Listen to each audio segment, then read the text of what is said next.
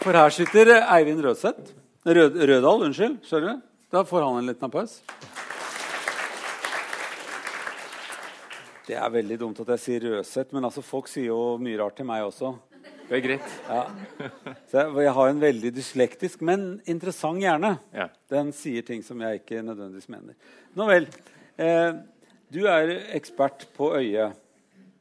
Eh, og det Det syns ikke. Ikke sant? Du, du bare kan det innenfra. Hva er det du egentlig driver med med øyet? Jeg jobber på øyeavdelingen på Aukland sykehus.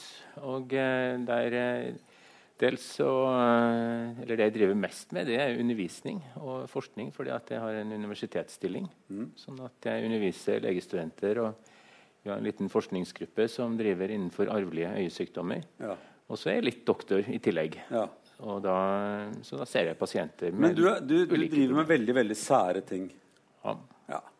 Så det er, det, det, er, det er ikke noe for oss. Nei. Du må fortelle oss, eh, for Vi kan ikke bare snakke om folk som har øyeproteser og må operere hele hodet. og sånt, og Det kan vi ikke ta opp her i dag. Det, det er for spesielt interesserte. Eh, og det vet jeg at du er kjempegod til, så der føler jeg meg veldig veldig trygg. Det jeg føler meg litt utrygg på, det er jo å få folk til å forstå hvordan som vi snakket med henne, øyet fungerer. At Øyet er jo da det sanseapparatet vi har for å se ting. ikke sant? Ganske enkelt. Og alle ting som skal sanse noe for kroppen, de må jo oversettes til det språket som kroppen forstår, altså hjernen. Så det spiller ingen rolle hva som skjer rundt oss hvis ikke vi har noen som kan oversette hva det er vi oppdager. Så alt det som har lys på seg, det ser vi fordi at det kommer lys til øyet. Og så kommer lyset inn på netthinnen, og der på netthinnen der skjer det en oversettelse på en eller annen måte. Du har vært så grei å ta med deg et øye, ikke bare ditt eget, men et litt større øye. Tok, tok meg et øye? Ja, et svært Ja, et. et halvt et. Oh, ja. Et halvt et. Veldig fint. Så hadde du Ja. noe som klinger nedi der. Kan du ikke bare vise oss hva det er? Ja, Det er noe, noe helt annet. Men det er, bare, det er en sånn liten raritet. Det, kan vi ta etterpå. Okay. Men jeg tok med dette øyet her fordi at jeg synes det som du startet med, det var veldig, en veldig fin beskrivelse av hvordan dette med oppfattelsen av lys skjer. Og eh, jeg håper at dere kan se hvordan det her tar seg ut. Det kan ikke de som hører dette som radio, vet du. Men eh, da, det, vi Men jeg skal forklare, jeg skal forklare, da det. Jeg skal forklare det. Men jeg bare, må bare ha dere med at dere ser hvordan dette tar seg ut. Og da er det slik at Øyet er på en måte delt i en sånn fremre del som vi har her. Og Det vi ser, det er liksom akkurat det hvite som er helt fortil her på øyet. Og så ser vi det blanke her. Det kalles hornhinnen. Og Det er det første laget som lyset går gjennom når det kommer inn i øyet. Og Like bak hornhinnen så er det et lite, noe vi kaller et, et fremre kammer, som er et, et lite område her som er fylt med væske. Og så kommer vi da inn til et lag her som kalles regnbuehinnen. Og gjennom, Midt i regnbuehinnen der har vi pupillen. Og innenfor pupillen så sitter linsen i øyet. Og Hornhinnen og linsen er viktige når lyset skal bryte, sånn at lyset kan treffe og være, bli fokusert på, på netthinnen. For vi vil ha et skarpt bilde, og da er vi avhengig av at lyset brytes på riktig måte. og Da er det hornhinnen og linsen som er de to viktigste områdene hvor lyset brytes. Så den bakre delen av øyet er, der er det, det er fylt av en geléaktig masse. Og så kommer vi inn på bakre øyevegg. Og Der finner vi da som det innerste laget, det som ligger inn mot denne geleen, der ligger da netthinnen. Og det var det hun hadde bilde Det hadde hun bilde av. Ja. Ikke sant? Og Den er da litt sånn gul-oransje her. Og eh, så sa du at du så en sånn en hvit flekk. Helt bakerst, sa du. Og det er der synsnerven kommer ut. Ja, det er rett og slett der hjernen er koblet til øyet. Ja, ja. Synsnerven, er For å si det enkelt.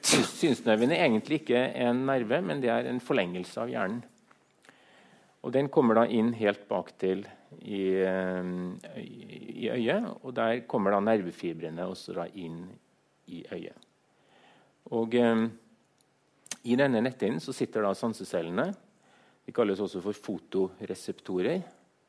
Og Vi har to hovedgrupper av de. Vi har en eh, gruppe som eh, oppfatter farge. Det er tre forskjellige typer. da. De kalles for tapper. Og så har vi i tillegg noe som kalles for staver. Og De oppfatter ikke farger, men de er veldig sensitive for lys. I alle disse sansecellene så har vi noe som vi kaller for et, et synspigment.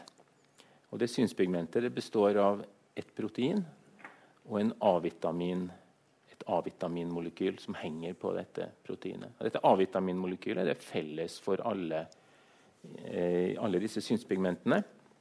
Men selve proteindelen er ulik. Så vi har en type protein i celler som oppfatter rødt lys, en annen type de som oppfatter grønt, en tredje de som oppfatter blått, og endelig en fjerde type da, i disse stavene.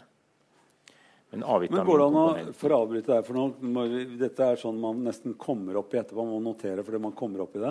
Eh, men dere skal ikke bli hørt i noe av dette. her, altså. Men da eh, går det an å, å, gjøre et lite hopp og si at noe av dette her ligner nesten på sånn som fjernsyn er bygd opp. Ja. Fordi at du kan stille lys opp og ned, og så kan du stille farver opp og ned. Gult opp og ned, rødt opp og ned. Sånn at øyet vårt er kopiert liksom i en sånn farvefjernsynstenkning. Ja. Mm. Mm, det er det. Det som da skjer, det er at lyset det, det utløser en elektrisk impuls fra disse cellene. og Den impulsen går da langs synsnerven og inn i hjernen. Og Slik er det da at dette sanseinntrykket overføres fra lys og over i, til hjernen. Hvis jeg får bruke det motsatte bildet også. Her oppfatt, er det sånn at vi ser noen ting som oversettes til elektriske impulser. Mm. Og med fjernsyn er det sånn at elektriske impulser oversettes til et fjernsynsbilde. Ja. Så det er liksom samme type Det går an å tenke langs ja. de banene. Ja. Så det oversettes til elektriske impulser. Det er det øyet driver med. Eh, fint. Eh, og hvordan det går inn i hjernen, det kan vi nesten ikke komme inn på, for det er så fryktelig komplisert. Men det, det roter seg til oppi hodet et sted, og så blir det sanseinntrykk. Som vi behandler på samme måte som tanker, at det lagres rundt omkring i hjernen. Så denne, liksom den, den, delen av datamaskinen som har med å, å tolke synsinntrykk å gjøre, den sitter da i, i, bakhodet. Ja, for det gjør alle, alle, som kan litt medisin. De begynner å ta seg til bakhodet når vi snakker om synet. For det, sier, jo, Øynene sitter her, men synet sitter her, sier folk. Så det er på baksiden av hodet. altså. Helt tvers gjennom alt det andre ja. rotet, og så ja. helt bakerst i hjernen. Ja. Og Det er ganske svært område som har med syn å gjøre. Og det sier jo alltid noe om hva som er viktig i hvor mye plass det har i hjernen vår. Mm. Så synet er noe som mennesket har bestemt seg for at det er vi Det betyr mye for oss mm. Hvordan vi skal oppfatte verden. Ja, det er en veldig stor del av, av, eh, av hjernen som har med tolking av synsinntrykk å gjøre. Ja. Uh, og noe av det skjønner vi, og noe av det skjønner vi ikke noe av. Nei, vi, vet, uh, vi, vet, en del, men det å få satt alle tingene sammen, ja. det er ofte det som er vanskelig. Fordi at uh, hvis jeg, La oss si at jeg i løpet av en dag da ser jeg en kjempelang film. Men den filmen jeg ser i løpet av natta, er veldig psykedeliske forhold. Og da har hjernen gjort et eller annet veldig rart med alt det jeg hadde i hodet av synsuttrykk fra før av. Mm satt sammen at jeg går på do og ba, bare har bukse og eller ikke har bukse på meg. Og samtidig så flyter jeg rundt i en verden. og sånt. Og det er veldig rar film det jeg har om natten. Mm. Eh, så du kan ikke si at du skjønner alt som skjer i hjernen. Nei, nei. nei ok. Da er du med på det også. Det er jeg veldig glad for. Eh, eh, eh er det sånn også fordi at jeg har hørt at hvis, hvis du ikke beveger på øynene i det hele tatt, altså hvis de på en måte ble låst i en skrustikke, så vil du se en stund, men så etter hvert vil det slukkes, det bildet du så. fordi at cellene er veldig opptatt av å bli stimulert. Altså disse cellene som er på baksiden av, av, av netthinnen. Mm. Um, uh, er ikke det en veldig rar måte å tenke på, eller er det sånn vi er skapt mennesker at, at vi må stimuleres hele tiden for å Det er jo sånn med disse cellene at de har en sånn av- og på-fase. Så tar det litt tid da, fra når de har blitt skrudd på, til de kan skrus på en gang til. Sånn okay. at, uh, at de, de, de, trenger litt hvile. Og da kan vi bruke noen naboceller isteden. Så det, man ser eh, det at, det at vi, vi, vi, virrer rundt og ser veldig mange steder, det er rett og slett for å samle mest mulig inntrykk og ikke bruke samme cellen hele tiden. på en måte. Altså, vi er litt smarte med måten vi bruker øynene på også. Det er i hvert fall slik at, at eh, fra, når en celle blir stimulert, så går det litt tid fra den da kan ta opp igjen et nytt inntrykk. Mm. Så eh, vi merker jo ikke noen ting til det der. Men uh, det er sånn det foregår. i hvert fall, at uh, De er litt på, og så er de litt av, og så er de litt på igjen. Ja. Det er veldig beroligende, men samtidig litt skummelt at, at, at kroppen gjør alt av seg selv. De fleste vil jo gjerne ha litt kontroll over kroppen sin. Men så driver den med dette her litt automatisk rare som den holder på med hele tiden. Ja, men det er at Vi driver og ser på, hva skal jeg si, på enkeltcellenivå. Mm. Og Hvis du skulle bekymre deg med å skulle styre alle enkeltcellene i kroppen din, så ville du hatt en ganske strevsom hverdag. tror jeg. Ja. Så det er, vi får være glad til at de tar hånd om det. At de oppfatter så lite som mulig av det som skjer, egentlig. Ja. okay. ja hvis man hører hvert hjerteslag, så blir man jo veldig forstyrret av det. Det er klart. Hvis man hadde visst hva kroppen drev med hele tiden, så hadde, hadde, det, hadde man antakeligvis blitt helt gal av det. Eh, eh, kan vi hoppe litt videre nå? Gikk du eh, fort over, uh, over liksom fysiologien her, som det heter? Liksom hvordan funksjonen er. Eh, er det noen av, noen av, dette her som har sammenheng med, med farveblindhet, f.eks.? Hva er farveblindhet? Vi snakket jo helt innledningsvis her om at vi hadde disse to ulike typene med sanseceller. Vi hadde staver og tapper. Og disse tappene de har vi da tre ulike av. Noen som oppfatter rødt lys, noen grønt og noen blått lys. Mm. Og eh, Farveblindhet det består i at eh, Eller det er flere former for farveblindhet. Da, men det som er det vanligste, er at vi har en medfødt form for farveblindhet. Og da er det at et av disse synspigmentene som vi trenger inni disse tappene, det enten mangler det, eller så er det ikke helt patent. Og når jeg sier ikke helt patent, så betyr det, det at det, har, det, oppfatter en litt annen farge enn det egentlig skulle gjøre. Sånn at øh, du kan f.eks. istedenfor at du har et rødt og et grønt, så kan du ha et som oppfatter rødt på vanlig måte, og så har du et som har gått fra å være grønt til å bli et som oppfatter rødt isteden. Du ja. får små forandringer da, i, i, disse. Akkurat, og Kan det også skje med den som oppfatter blått? Det kan det også gjøre, men det rødt og grønt er liksom de absolutt vanligste formene for, eh, for uh, farveblindhet. Så da har du altså flere som oppfatter rødt, enn de som oppfatter grønt? Det kan du ha. Ja. Så uh, Den vanligste formen for farveblindhet er jo at du er svak for å oppfatte grønt. Ja. Er det. det er de medfødte formene. Så kan du også ha en del sykdommer som gir uh, farveblindhet. Og det kan være at du har hatt et slag som har påvirket hjernen din, sånn at ikke du ikke kan tolke impulsene som kommer fra disse eh, eh, sansecellene i netthinnen. Eller du kan ha en sykdom i synsnerven, et trykk mot synsnerven. Så fungerer ikke den så godt som den skal. Og da kan disse fibrene som leder impulser fra farvesansecellene, de kan være slått ut. Mm. Så, så, det er flere grunner til at man, man kan bli farveblind. Men det du sa medfødt farveblindhet, og, og, det er en genfeil eller en disposisjon en som man ikke kan gjøre noe særlig med? Ja. Så er det slik at uh, disse... Kan man trene seg til å bli mindre farveblind? Uh, bare si en liten ting, og det er det at um, Når det gjelder dette med farveblindhet, så er det jo slik at det er jo menn som blir farveblinde. Mens kvinner de er stort sett bærere. og Grunnen til det, det er jo at de genene som koder for fargeblindhet de sitter jo, eller for synspigmentene rødt og grønt, de sitter på X-kromosomet. Mm. Og da er det sånn at da blir kvinnene blir bærere, mens mennene da blir syke når det gjelder forandringer der. Og For alle dere som ikke har vært på genforelesningen her, så kan jeg fortelle at eh, menn har altså en X og en Y. Så hvis de bare har den X-en som har med seg fargeblindhet, så blir det en, en egenskap som, som, slår ut. Men hvis du har et, et to X-er, sånn som damer har, så kan de ha et annet X som overtar den funksjonen. Greit?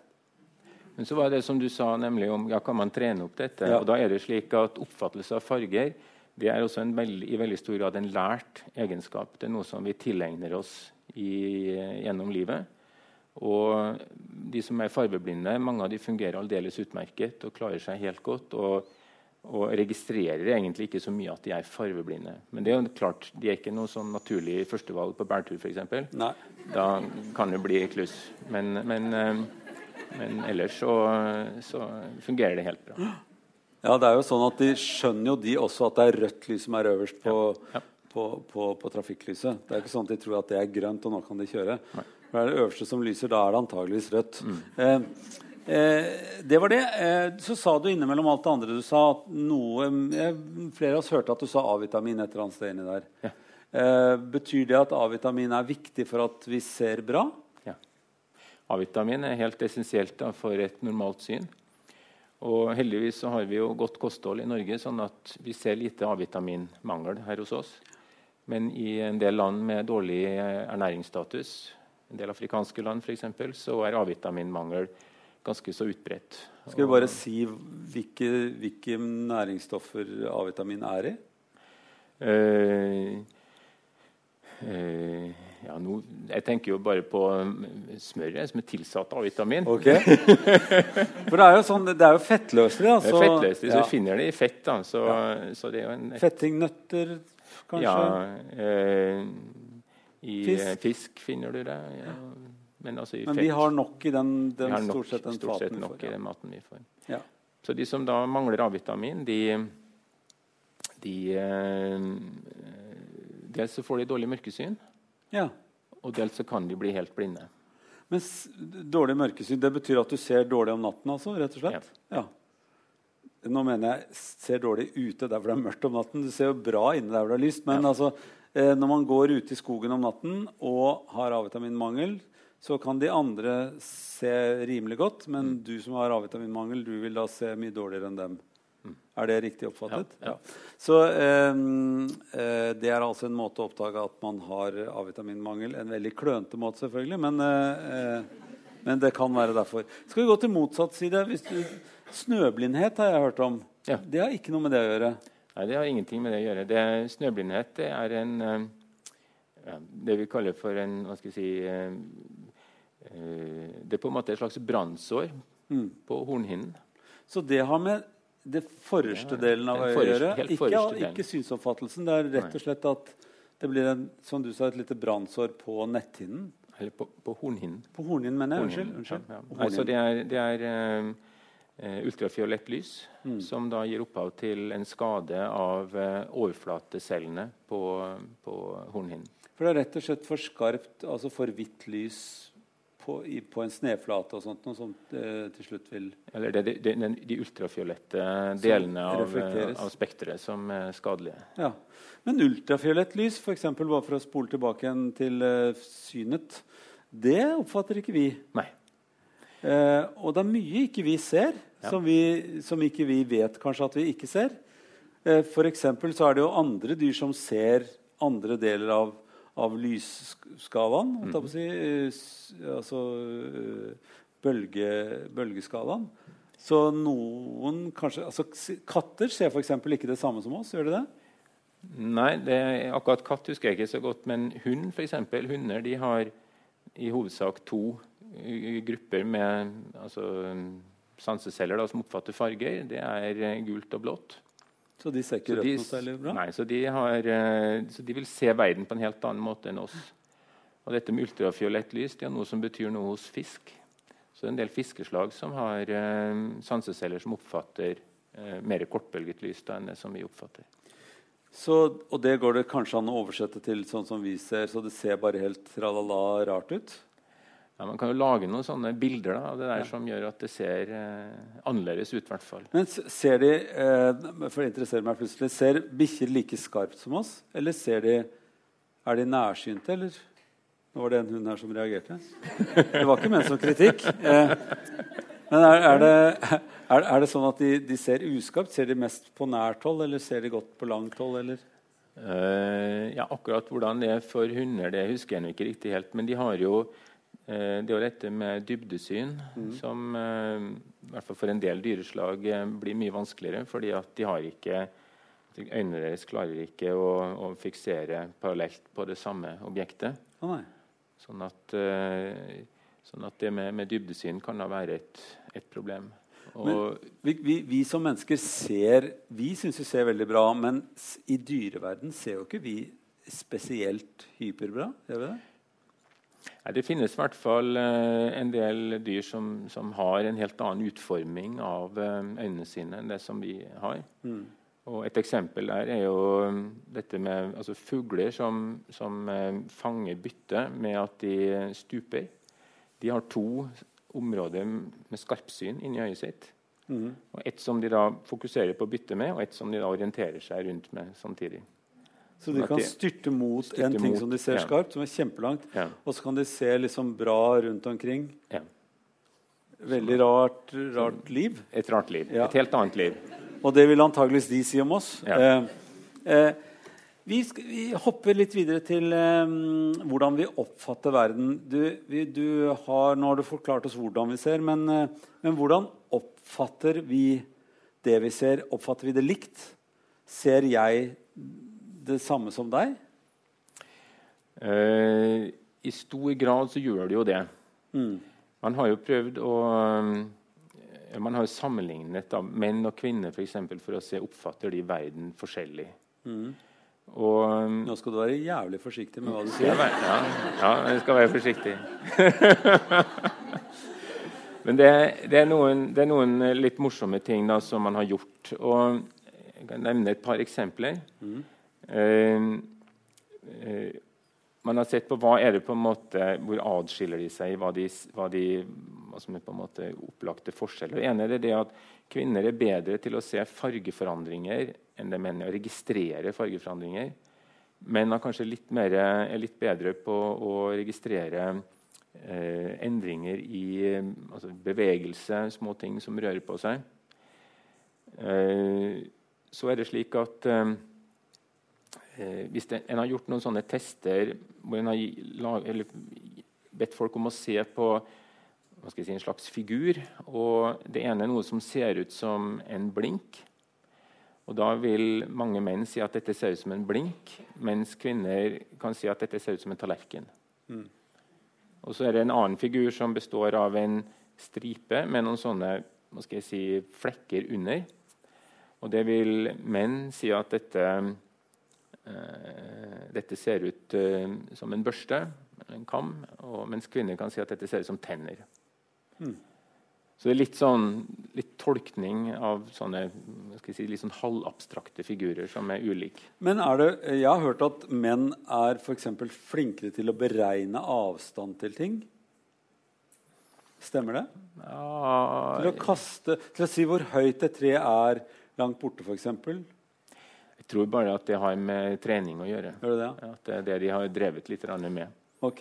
Så eh, Så jeg, tror, jeg, tror, når, jeg tror ikke det så når min kone sier at jeg ikke er noe flink til å finne ting, så er det bare at jeg, ikke- jeg har ikke øvd nok. Nei, det, jeg må, jeg må øve. Ja, jeg tror det.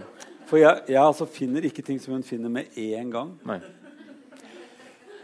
Nei, så er det jo eh, Vi er litt ulikt utstyrt eh, Ja, vi er det.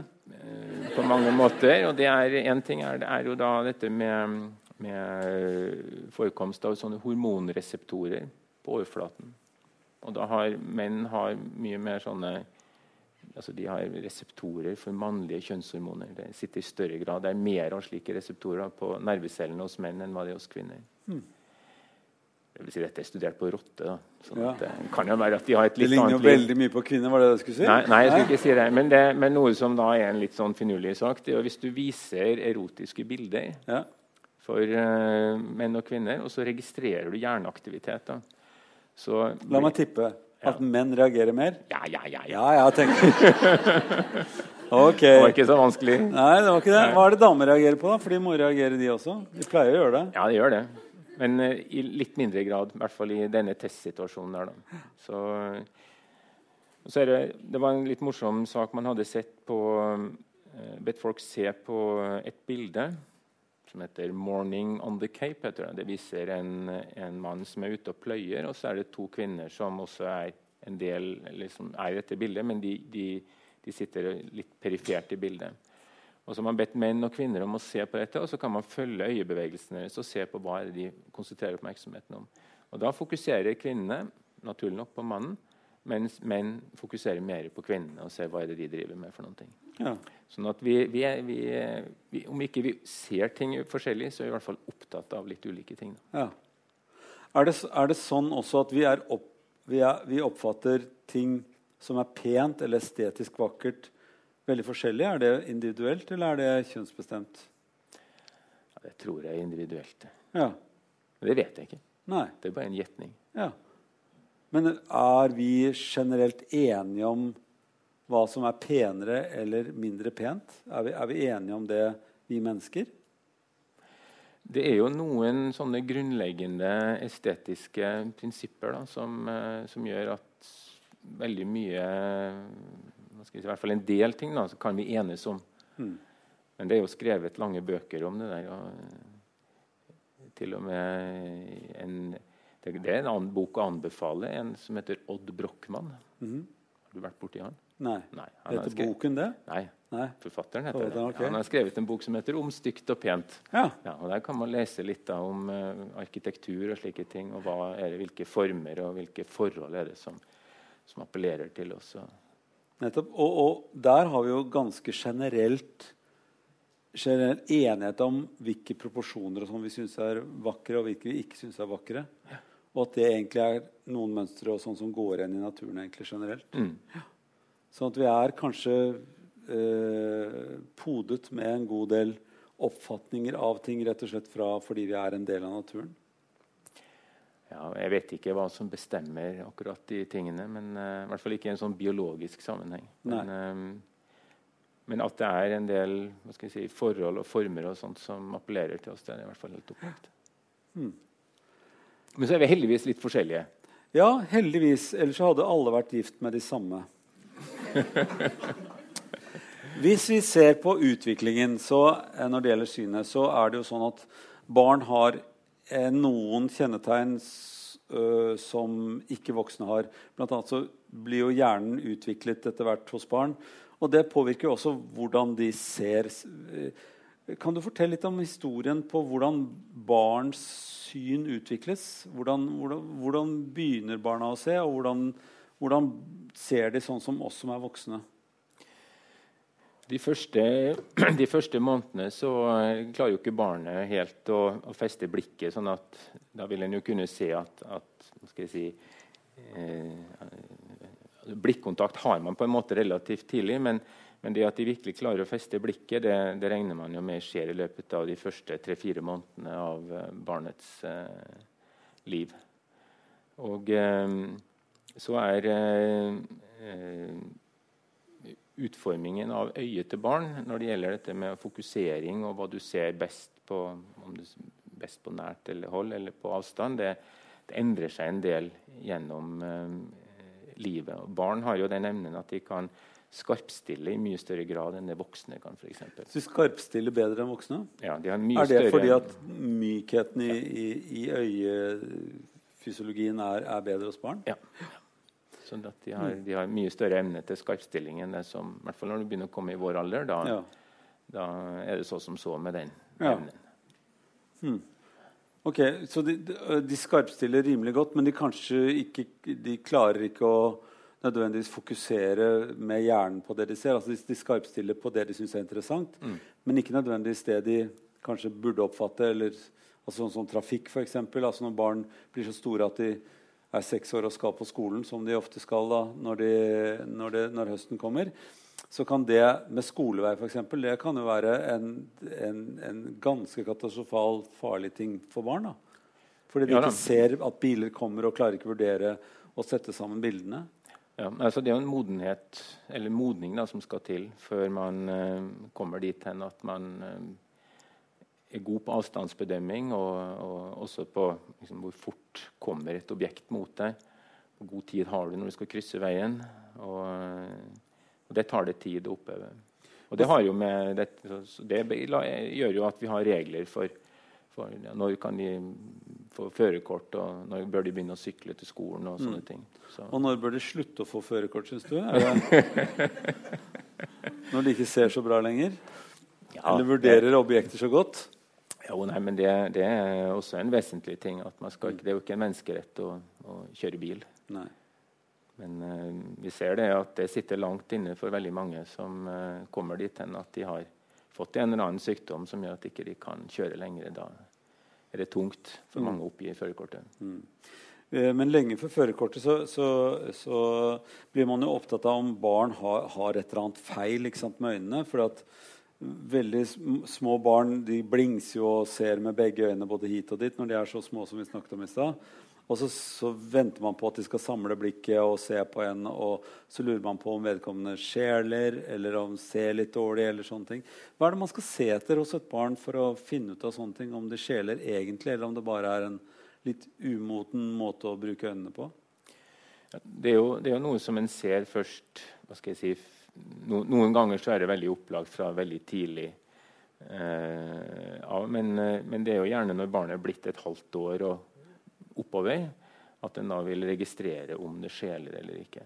Og Det er en del sjeleformer eller sjelevarianter som, som dukker opp først senere også. At ikke de er til stede på et så tidlig tidspunkt. Mm. Og det man merker, er jo da at øynene eller ett et øye enten glir inn mot nesen eller det glir ut til siden. Og det kan også gli opp og ned i, i høyden. Mm. Uh, og det er, det er, muskulaturen stort sett som ikke er i balanse, eller? Ja, det uh, De vanligste formene hos barn så er det jo noe med selve si, kontrollen av uh, øyebevegelsen eller øyestillingen i hjernen som, som en tror er årsak til det. Mm. Men det er også slik at hvis du får en eller annen tilstand som gjør at du ser dårlig, f.eks. At, eh, at det skulle utvikles grå stær hos et barn, så vil da et øye som da ikke brukes, vil da kunne gli ut. Sånn at, eh, sånn at det, det, er vesentlig da at vi undersøker de tingene når barnet kommer med en spørsmål om en skjeling. Mm.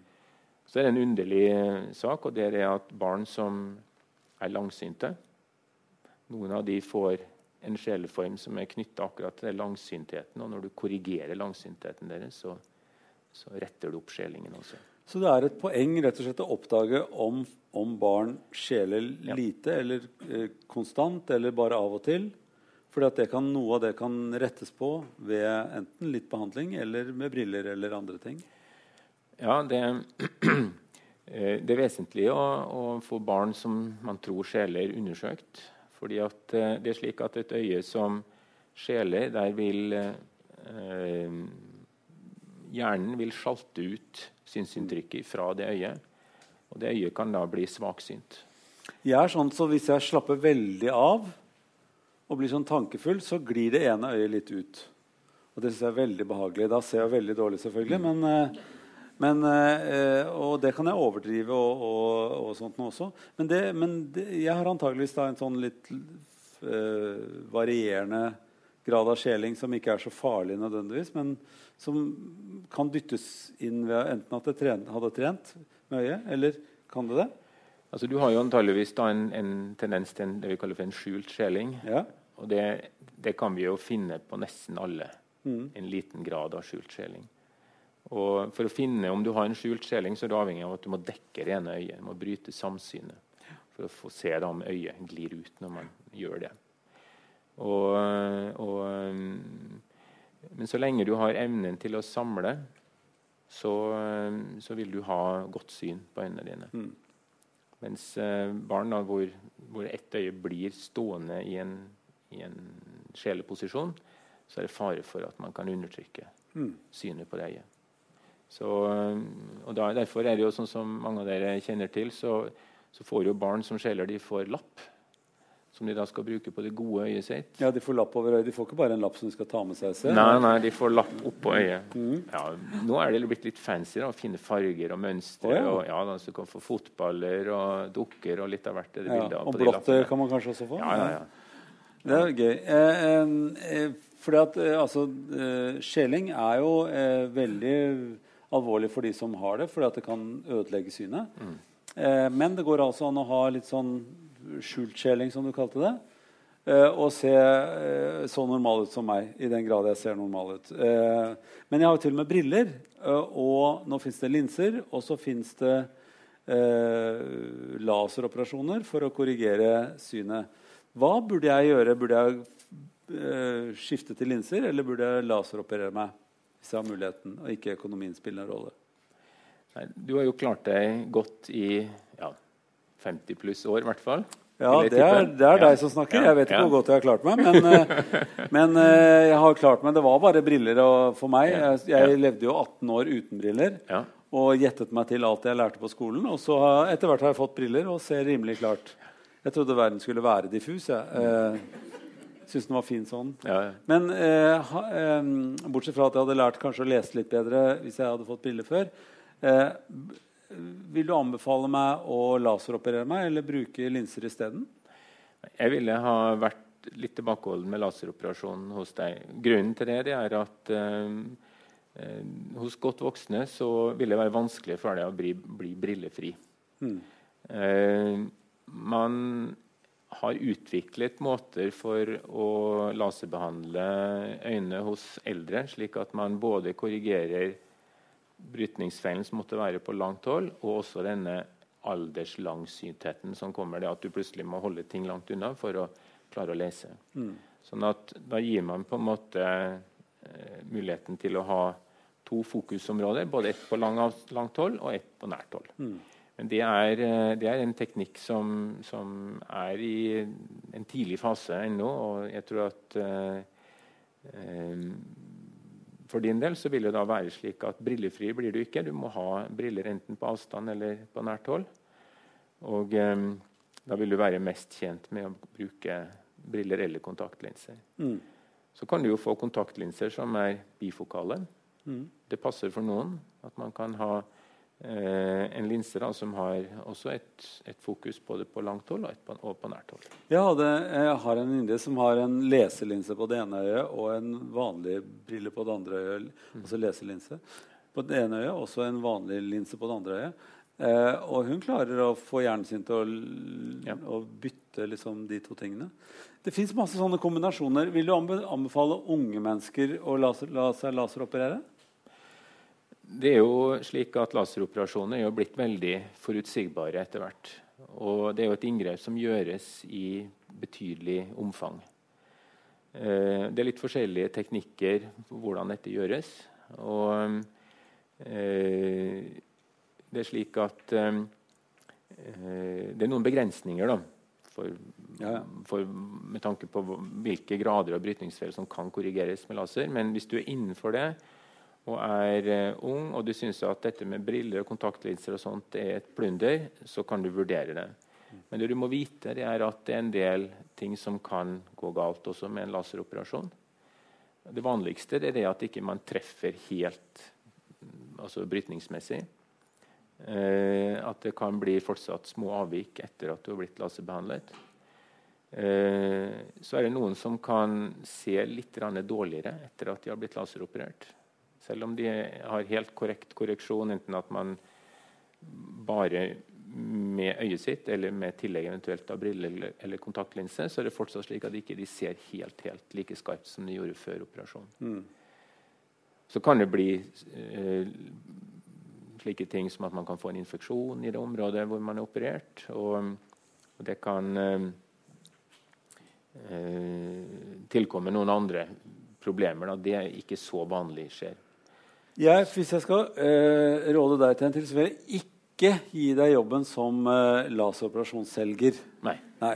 Eh, eh, for du har ikke sånn veldig anbefalt det nå, da, eh, i forhold til det som står i annonsen i avisen. Eh, og jeg vil heller ikke turt å la meg laseroperere i min del av livet. Men på en annen side så ville jeg jo ikke la meg laseroperere hvis jeg visste at det kunne gå dårlig. Det er jo ikke som å klippe neglene. Det kom, vokser ut igjen. liksom. Det er, ikke kan man få gjort om så veldig heller. Så eh, jeg leser deg sånn så du sier at eh, du ville være litt forsiktig. Ja, jeg, jeg, jeg ser jo litt av de tingene som Når det ikke har gått helt etter planen. Eh, men det er viktig å huske på at eh, for de aller aller fleste så går dette veldig bra. Og, og, og folk er jo veldig fornøyd etterpå. Men for de, de få da, som ting ikke har gått etter planen, så er det da, de, mange av de strever da i ettertid. Sånn at det gjør jo at, at jeg tenker at man skal være litt tilbakeholden. Og det er et friskt organ som man opererer på utgangspunktet. Men eh, bevares det, det å slippe briller, det å, liksom, det å stå opp om morgenen og måtte famle seg rundt før du har funnet brillene eller kontaktlinsene det, Ha, ha, det går så lett eh, som ingenting. Eh, ikke noe vanskeligheter med å, å famle meg litt rundt om morgenen, altså. Eh, så jeg tror jeg tar disse brillene her. Eh, du, Vi skal hoppe litt videre, for eh, vi kan ikke bare snakke om briller eh, og linser. Selv om øyeleger fryktelig gjerne vil det. Men eh, ettersom alderen stiger på eh, og banker på døren, og man oppdager at ting er ikke akkurat som det var før, så er det en god del ting som forandrer seg med alderen. rett og slett, Som ikke nødvendigvis er sykdom, men som er aldersforandringer på kroppen. Hvordan, hvordan forandrer alderen synet vårt? Forandrer det øyet bare, eller forandrer det måten hjernen ser på? Det forandrer jo mest øyet. Det er der de viktigste Og hva er det som tingene som skjer der. Og da er det to ting som i hvert fall en må trekke fram. Det ene er forandringer som kommer i linsen, strukturen som vi har her nå. Mm. Hvor det blir uklarheter i linsen. og Det kaller vi for grå stær. Ja, hvorfor heter det stær? Ja, det kommer fra tysk, som starren betyr å stirre. Ja. Og, eh, Gråstirring? Gråstirring, ja. Ja. Nei, det var det at mm, personer som blir blinde, en del av de gir et sånn litt stirrende inntrykk. Mm. Og eh, de som da hadde grå stær, da så man i tillegg at det var noe grått som lå inni øyet. Så det er ikke noe med denne stæren som går og kikker og etter mark å gjøre? Nei. Ingenting. Gråstirring, det var jo fint. Ja, Ja, det er grå stær. det er grå stær. Og så er det en aldersforandring som eh, Men grå, ta, ta grås der. Det, det er da eh, at det den blakkes på en måte, da. Ja. Eh, akkurat som når man har et egg som koker, så blir det mer hvitt Ja. enn det var når det var, ikke var eggehviten, og eggehviten ikke var kokt.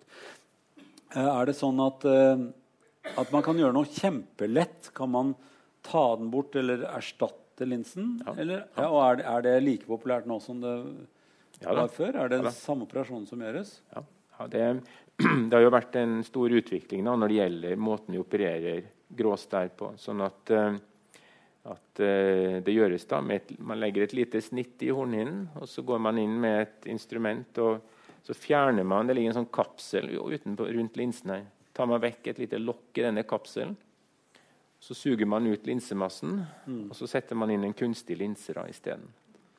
Veldig ofte Alt sånt som leger sier, det høres litt ekkelt ut. Ja. Suger ut og lite snitt og sånne ting. Det er, øh, vi bare tar den ut, og så putter vi inn noe annet. Er det det du gjør? Ja. ok, Da sier vi det litt pent sånn. Vi setter inn Eh, vi suger ikke så mye linsen ut.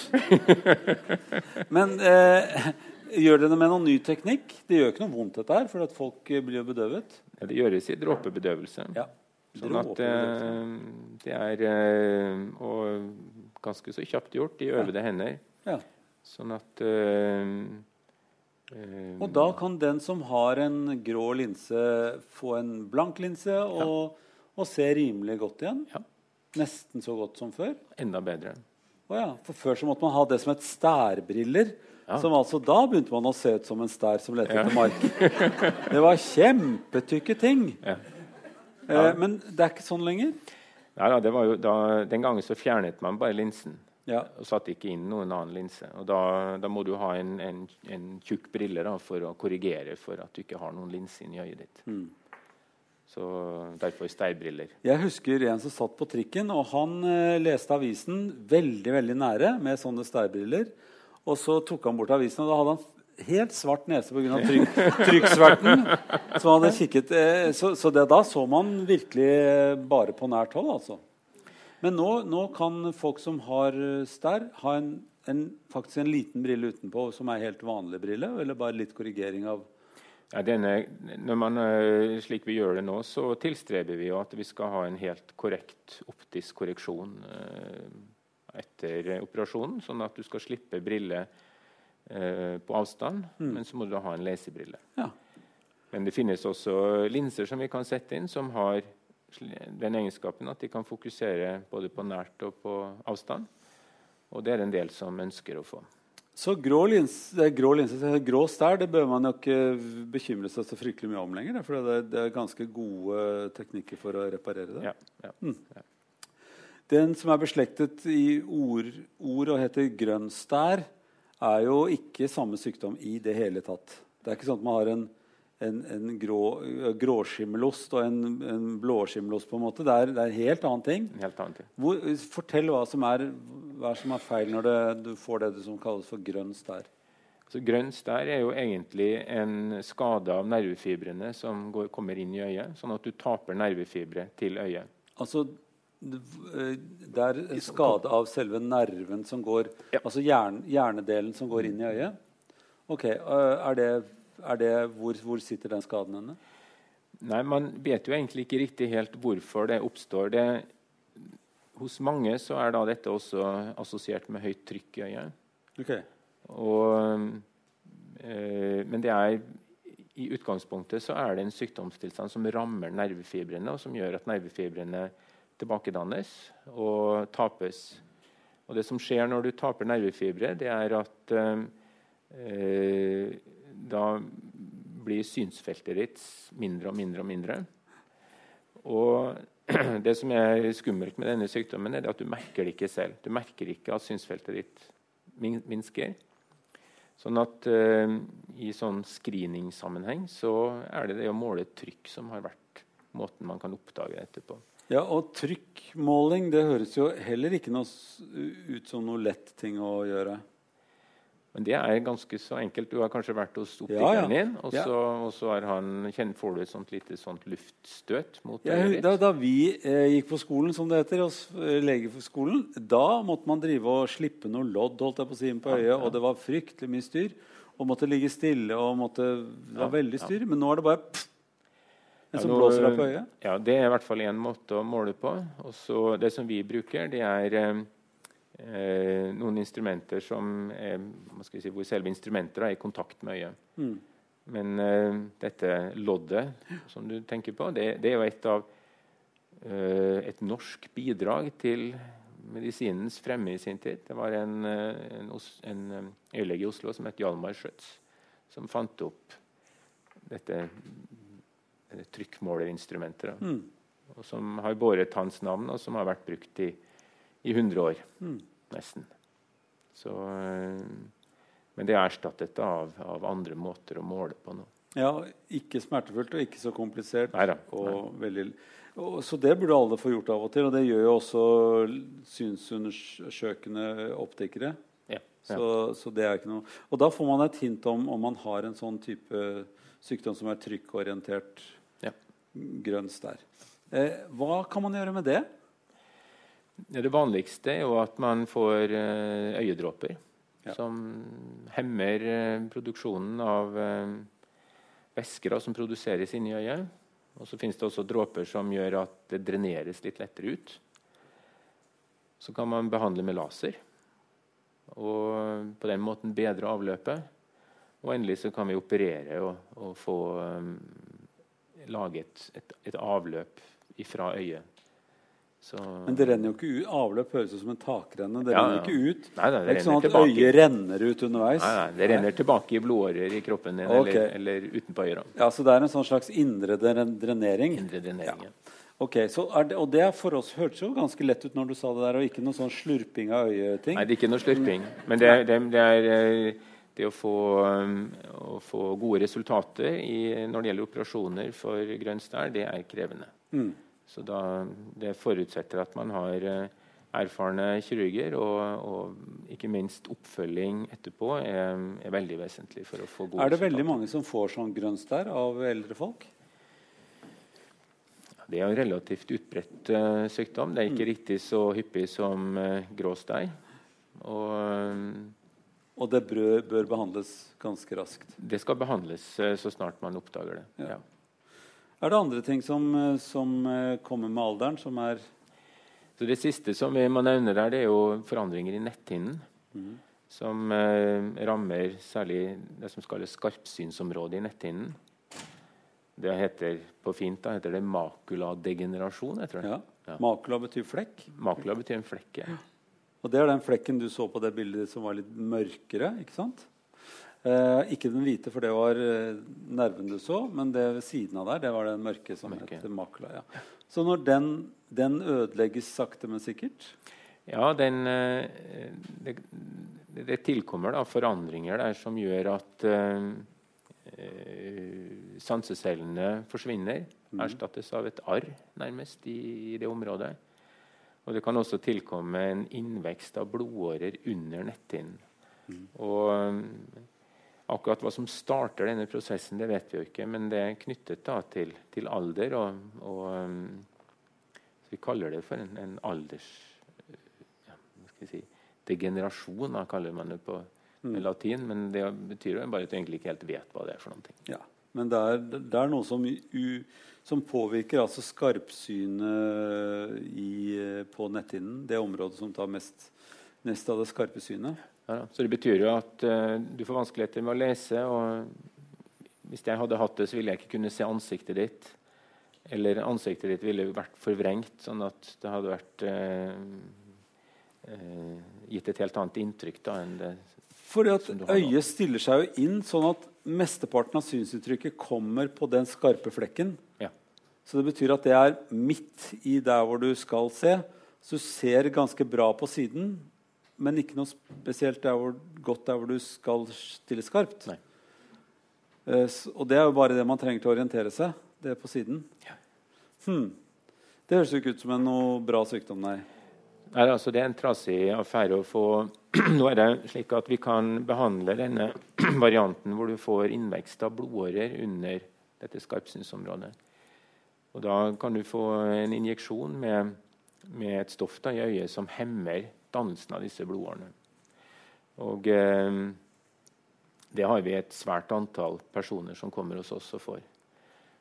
Så, eh, du, det, og dette er stoff du stikker inn i øyet? En liten sprøyte som man må sette ja, Jeg håper ikke det er en stor en. Eh, en li, liten kjempetynn. Kjempetynn liten sprøyte. Og du ja. kan du ikke putte det i blodårene eller et annet sted? i rumpa? Nei, det hadde vært kjekt, det, men, ja. men det, det, det, må settes direkte inn i øyet. Altså. Ja. Et stoff som settes inn der? Ja. Og så kan denne sykdommen sak sakkes da på en eller annen måte? Ja, det tilbakedannes da, disse oh, ja. nydannede blodårene. De forsvinner.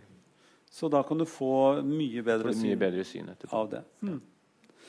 Det er, men det er, det er bare en, det er en, mindre andel av de som får dette, som egner seg for denne formen for behandling. Mm. Det, tenker, det, man kan kanskje si om selve sykdomsprosessen, er at det blir en slags opphopning av avfallsstoffer i, i cellene i det området. Mm. Eh, og som da ikke blir fjernet, og som eh, etter hvert skader cellene. Det høres ut som noe som skjer over tid, og som er, ja, ja. Det, som er sånn som kroppen forandrer seg. Eh, eh, hva vil du si er det eh, hotteste og feteste nye forskningstingen man kan drive med på øyeområdet? Er det noe sånn derre helt eh, laseraktig supernova-forskning? Altså det er jo eh, Dette området med, med å korrigere brytningsfeil med laser, er, der er det stor aktivitet. Ja. Og det er jo også vesentlig, eller Industrien er jo veldig interessert i dette, fordi at de kan levere mye fancy utstyr. Og, eh, og, så Det introduseres stadig nye måter for hvordan man skal gjøre dette. Så, og, og, en del av det er blitt veldig fiffig. Det er det. Sånn at, fiffig er jeg glad i. Eh, fiffige ting syns jeg er veldig morsomt. For at nå, eh, eh, når de skal gjøre en laseroperasjon på øyet, så driver man i hvert fall nå tradisjonelt og med et slags ostehøvelprinsipp og tar bort noe og legger til side og gjør noe med laser, og så vipper den der eh, du har tatt av med med sånn ostehøvel tilbake igjen. Det høres veldig ekkelt ut. alt sammen. Det er nesten som å slurpe ut noe. Eh, og, eh, eh, tror du i fremtiden man kan bare sitte foran og se inn i et apparat, høre på god musikk, og så, sitte, og så er det ferdig? Ja, det er, nesten, det er nesten sånn fordi at det er, det er en, en, med en ny type laser nå, så kan man skjære ut den delen av hornhinnen som man må fjerne liksom inn, skjære det ut innvendig. Og så må man ha et bitte lite snitt, og så fisker man bare ut dette som en sånn liten bit som man tar ut da, gjennom det lille snittet. Sånn at, Det høres ikke det noe hyggelig ut. Skjære litt nei, i øyet. Nei, nei men det er, det, er, det er, så bitte, bitte lite. Ah, ja. Ja, at, eh, så det er på en måte det, det nyeste nye. da. Altså Man lager et lite snitt som man nesten ikke merker. Si. Ja, denne, Det denne laseren gjør, han skjærer på en måte ut altså inne i vevet i hornhinnen. Oh, ja. Så skjærer han ut et sånt lite stykke av hornhinnen. Et supertynt stykke. Og så man da, skal man ha vekk det der lille det stykket som man den har skåret ut. Og så må man da lage en liten åpning for å trekke ut denne biten. Mm. Så det er fiffig. Så da, da går man, man, man, rett og slett det apparatet gjør det inni øyet uten at du merker det, og så lager man et lite hull som du da ikke merker pga. bedøvelse, så bare slurper man det ut. Ja, man tar en liten pinsett og trekker er ut. såpass enkelt, ja. Eh, dette høres jo fiffig ut, ja. Eh, er det så dyrt at vanlige folk ikke kan gjøre det ennå? Eh, Det er vel ikke så mange som tilbyr det i Norge. Det tør jeg ikke si. Nei. Men eh, Så vi skal vente litt, grann, som det heter, når det er noe helt nytt. Jo, nei, men det, det, det er ting som kommer. Altså, Ja. Laseren er tilgjengelig. Ja. Så, men jeg vet ikke riktig om det er noen som har startet med det her. Du sa noe annet eh, som også gjøres for tiden, og det er å, å igjen slurpe ut eh, alt som er av sånn øye... eh, sånn gelémasse inni øyet, og erstatte det med gass. Hva er det for noen ting? Ja, Det er noe som vi gjør eh, kanskje først og fremst i forbindelse med en tilstand som kalles netthinneløsning. Ja. Og netthinneløsning det er jo en litt mer uvanlig tilstand, men eh, det er slik at eh, den vanligste årsaken da, til at det kommer, det er med litt økende alder så blir denne geleen som er inni der, den blir litt mer sånn tynnflytende. Og så klumper den seg litt sammen. Og i den prosessen der så kan den trekke litt på netthinnen. Ah. Sånn at det kan bli rifter og hull i netthinnen.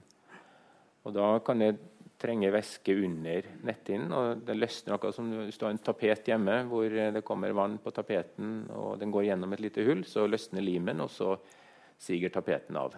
Så har du det gående, som vi sier. gående? Ja. Ja. Og sånn kan det være her også. For i gamle dager så gjorde vi da, når det var nettinnavløsning, så ble den, den på en måte ble koagulert fast og stemplet på en måte med koagulasjon. Ja. Eh, sånn satt fast igjen. Det er som å stemple tapeten på veggen igjen med sånn stiftemaskin. Ja.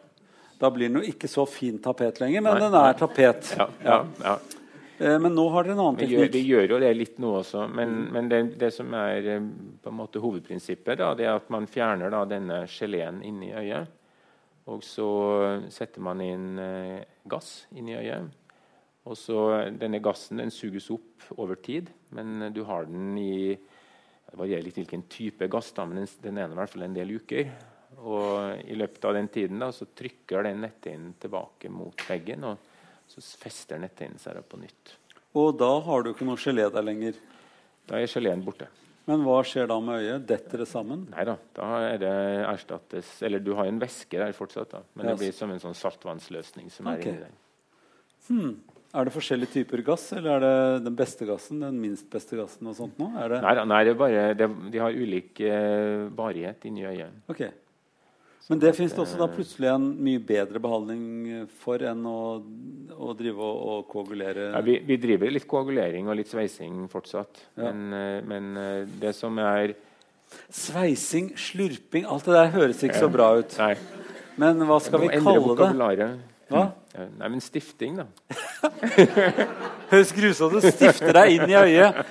Men, eh, men det er altså en måte og teknikker som, eh, som gjør at det blir, eh, det blir festet igjen, Ja, eh, selve ja, netthinnen. ja. Mm. Nei da, så Når det gjelder andre ting som er hot, så er det jo altså, effektive medikamenter for behandling av grønn stær. er vi hele tiden på jakt etter. Og ehm, eh, også for denne makuladegenerasjonen. Der skjer det mye forskning. Og ehm, eh, så får vi også etter hvert da, en, en økende forståelse av øyet som organ gjennom en god del av den genforskningen som foregår. Mm. Og eh, så til sammen så, så gir disse tingene en bedre forståelse av hvordan øyet fungerer, og, og hvordan vi da kan, kan ehm, behandle sykdommer. Det er jo noen i vårt samfunn som ikke ser noe særlig i det hele tatt. Altså Som er enten så ser så svakt eller eh, ikke ser noen ting. Eh, at de kan ikke bruke eh, synet på samme måte som oss som da har ganske godt syn. Eh, er det skjedd noe for dem? Er det skjedd noe for svaksynte skråstrek til blinde folk? Har de, har de en, en, en bedre mulighet til å, å, å, å være i samfunnet på en bedre måte enn det de var før? Um, det skjer jo en del ting sånn, hva skal jeg si, men det er jo altså forskning da, på dette feltet. Og um, det som kanskje er mest spennende i så måte, det er jo det som kalles genterapi. Uh, hvor det da er en del eh, sykdommer i øyet hvor man kjenner de forandringene i arvestoffet som fører til disse tilstandene. Og da kan man erstatte, eller man forsøker da å erstatte denne feilen med et friskt gen. Mm. Og man kan da føre inn et sånt friskt gen ved hjelp av et, et slags virus som man putter inn. da. Mm. Og Det er oppmuntrende resultater på det, men det er foreløpig et stykke unna å være et sånt rutinetilbud. Men det er i hvert fall en mulighet for, for um, en del personer da, som har øyesykdommer som vi vet over tid fører til synstap. Det er godt å høre. Så, så det, kan, det, kan, i hvert fall være noe. Men de fleste har jo ikke sånn type tap. De har jo tapet allerede kommet, og, og, eller man er blitt blind. Uh, og ser du noen sånn fremtid for, for eller teknologi som kan hjelpe de som allerede er så svaksynte eller er så blinde? Nå, det, nå har vi en, en, hund her. Det er mulig det kommer med en annen som ser dårlig. Eh, men for at Hunder har jo vært til stor hjelp for folk som er veldig svaksynte mm. eller blinde. Er det noen andre ting som, som svaksynte og blinde kan se for seg at de kan ha større glede av i fremtiden? En annen ting som man holder på med, det er jo dette å, å um, kunne overføre altså, si, impulser fra et kamera mm. og over i synsnerven, og som så skal kunne oppfattes av hjernen. Eh, og der er man vel kommet dit hen at man i hvert fall kan overføre et bilde som gjør at du kan skille mellom lys og mørke. Mm. Og noen kan kanskje kunne orientere seg bitte lite grann. Altså, du er på sånn 8-12 piksler. Mm. Si det. det. er jo relativt grovt. Da, ja, som, men, for oss som har fått sånne firkant, med sånne fir, firkanter, firkanter sånn, ja. så kan du kanskje ha Da vet du om det er noen der sånn, eller ikke. i hvert fall. Mm. Sånn 6-8-10-12 sånne okay. firkanter. Og da kan du skille i hvert fall litt lyse og litt mørke områder. Ja. Og øh, men det, dette har man holdt på med i ganske mange år, og det er ikke så lett å få til. Altså. Mm. Det men, øh, men, det er litt noe som kan bli en, en mulighet. Så dette er jo teknologi og sånt. For oss som da lever med svaksynte og blinde blant oss, så må vi allikevel ta hensyn til hvordan de oppfatter verden i forhold til hvordan vi oppfatter verden. Og det står igjen som en, en stor uløst oppgave. Ja. Ja, ja.